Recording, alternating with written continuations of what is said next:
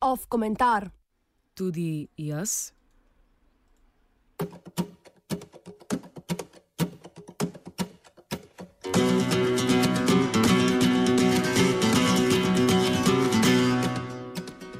Mineva leto dni, odkar je na svetovnem spletu oživel hashtag MeToo oziroma Jaz tudi in je vzniknilo istoimensko gibanje proti spolnim zlorabam, predvsem žensk. Začelo se je s Harveyjem Weinsteinom, nadaljevalo s Kevinom Spaceyjem, Jamesom Frankom, Azizom Ansarijem. Imuni niso bili niti samo oklicani feministi, kot je pisatelj Juno Diaz, in ljubljenci občinstva, kot je Morgan Freeman.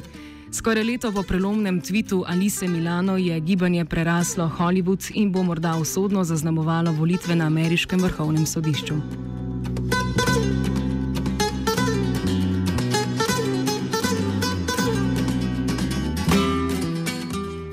Se je na družbenih omrežjih naglo širil in kmalo je postalo jasno, da ima skoraj vsaka ženska na zalogi eno ali več zgodb o tem, kako je bila deležna takšne ali drugačne oblike spolnega nadlegovanja. Na ulici, v službi, doma. Pokazalo se je grozljivo dejstvo, da ženske nikjer nismo povsem varne. Žrtve, ki so prej večinoma zaradi občutka sramu, včasih pa žal tudi zaradi vodotesnih pogodb o nerazkrivanju trpele v tišini, so s hashtagom dobile platformo za deljenje lastnih zgodb.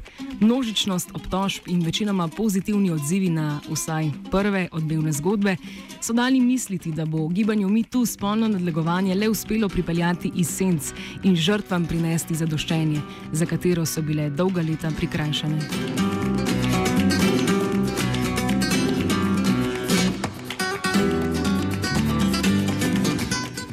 Nasprotniki gibanja so uporabnice hashtaga hitro označili za žene pozornosti, oportunistke in maščevalne feministke, ki želijo z izmišljenimi zgodbami in očitnimi pretiravanji vse poprek očrniti moške.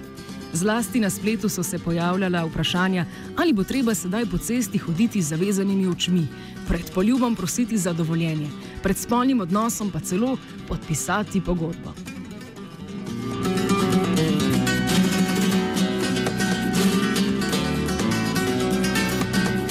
Vse kritike na račun mitu vendarle niso neutemeljene.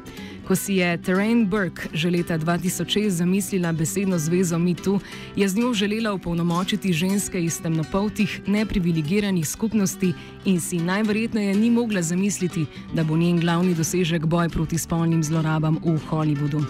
Burke je hitro izrazila podporo hashtagu, vendar je bilo vsaj glede na poročanje medijev težko ubežati vtisu, da gibanje najbolj služi ženskam iz filmske industrije, ki ne uresničitev svojih igralskih sam pripisujejo pohotnim filmskim producentom in režiserjem. Ker so mediji ustvarjalci javnega mnenja, so se travme mnogih manj atraktivnih žrtev izgubile.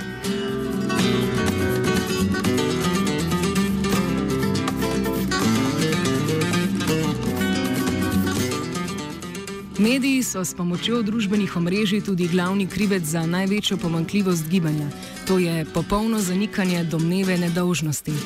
Kdor je obtožen spolnega nadlegovanja, je kriv in o tem ne sme biti nobenega dvoma. V primeru, da se obtoženi brani, mu seveda ne verjamemo. V primeru, da je tiho, to jasno kaže na priznavanje krivde.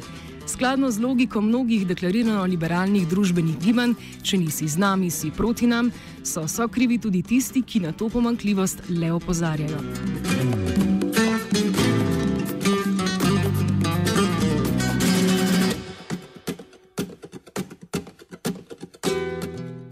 Ker gre pri spolnem nadlegovanju ali nasilju navadno za zločin brez prič, v kazenskem postopku pa mora biti krivda dokazana onkraj razumnega dvoma, je tako, je tako postopanje do določene mere razumljivo. Vseeno je tak pristop lahko nevaren, saj obtoženi v postopku pred ljudskim sodiščem ostane brez temeljne pravice, pravice do obrambe. Da je javnost neusmiljena, je na lasni koži občutila tudi ena od nekdaj vodilnih aktivist gibanja Asija Argento ko jo je spolnega napada obtožil mladoletni igralec. Branila se je, zato je bila pred ljudskim sodiščem, ki ga je sama pomagala ustvariti, spoznana za krivo. Revolucija je spet požrla lastnega otroka.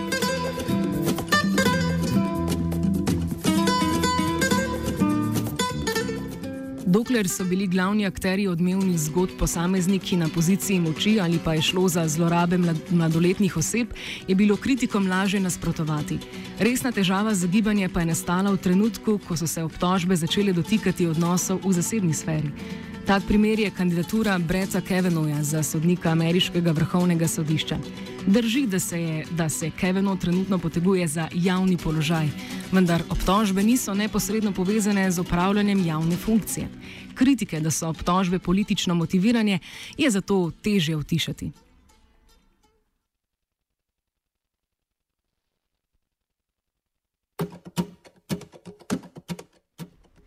Najnovejše dogajanje v ameriškem senatu smo lahko dnevno spremljali tudi v ameriški medijski koloniji Sloveniji in se zgražali nad seksizmom republikanske stranke s predsednikom na čelu.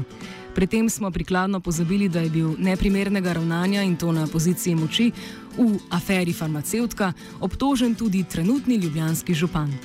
Mi tu je slovensko prizorišče, oziroma na slovensko prizorišče tudi sicer vstopa z drobnimi koraki. Pozitiven projekt, namenjen ozaveščanju javnosti, je spletna stran hashtag Jaz tudi, na kateri lahko žrtve delijo svoje zgodbe. Potekajo razprave in dogodki, ki pa so za zdaj namenjeni zgolj ožjemu krogu poslušalstva. Že hiter pogled na komentarje pod opisi tovrstnih dogodkov jasno kaže, da slovenska družba ideji Jaz tudi v poprečju ni najbolj naklonjena.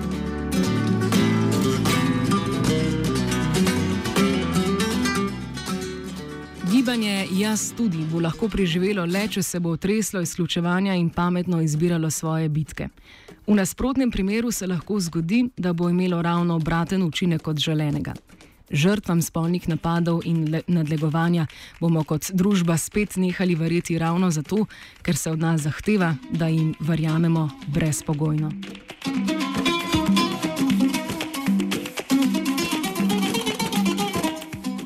Z upanjem, da njena zadnja teza ne drži, je komentar napisala Pija.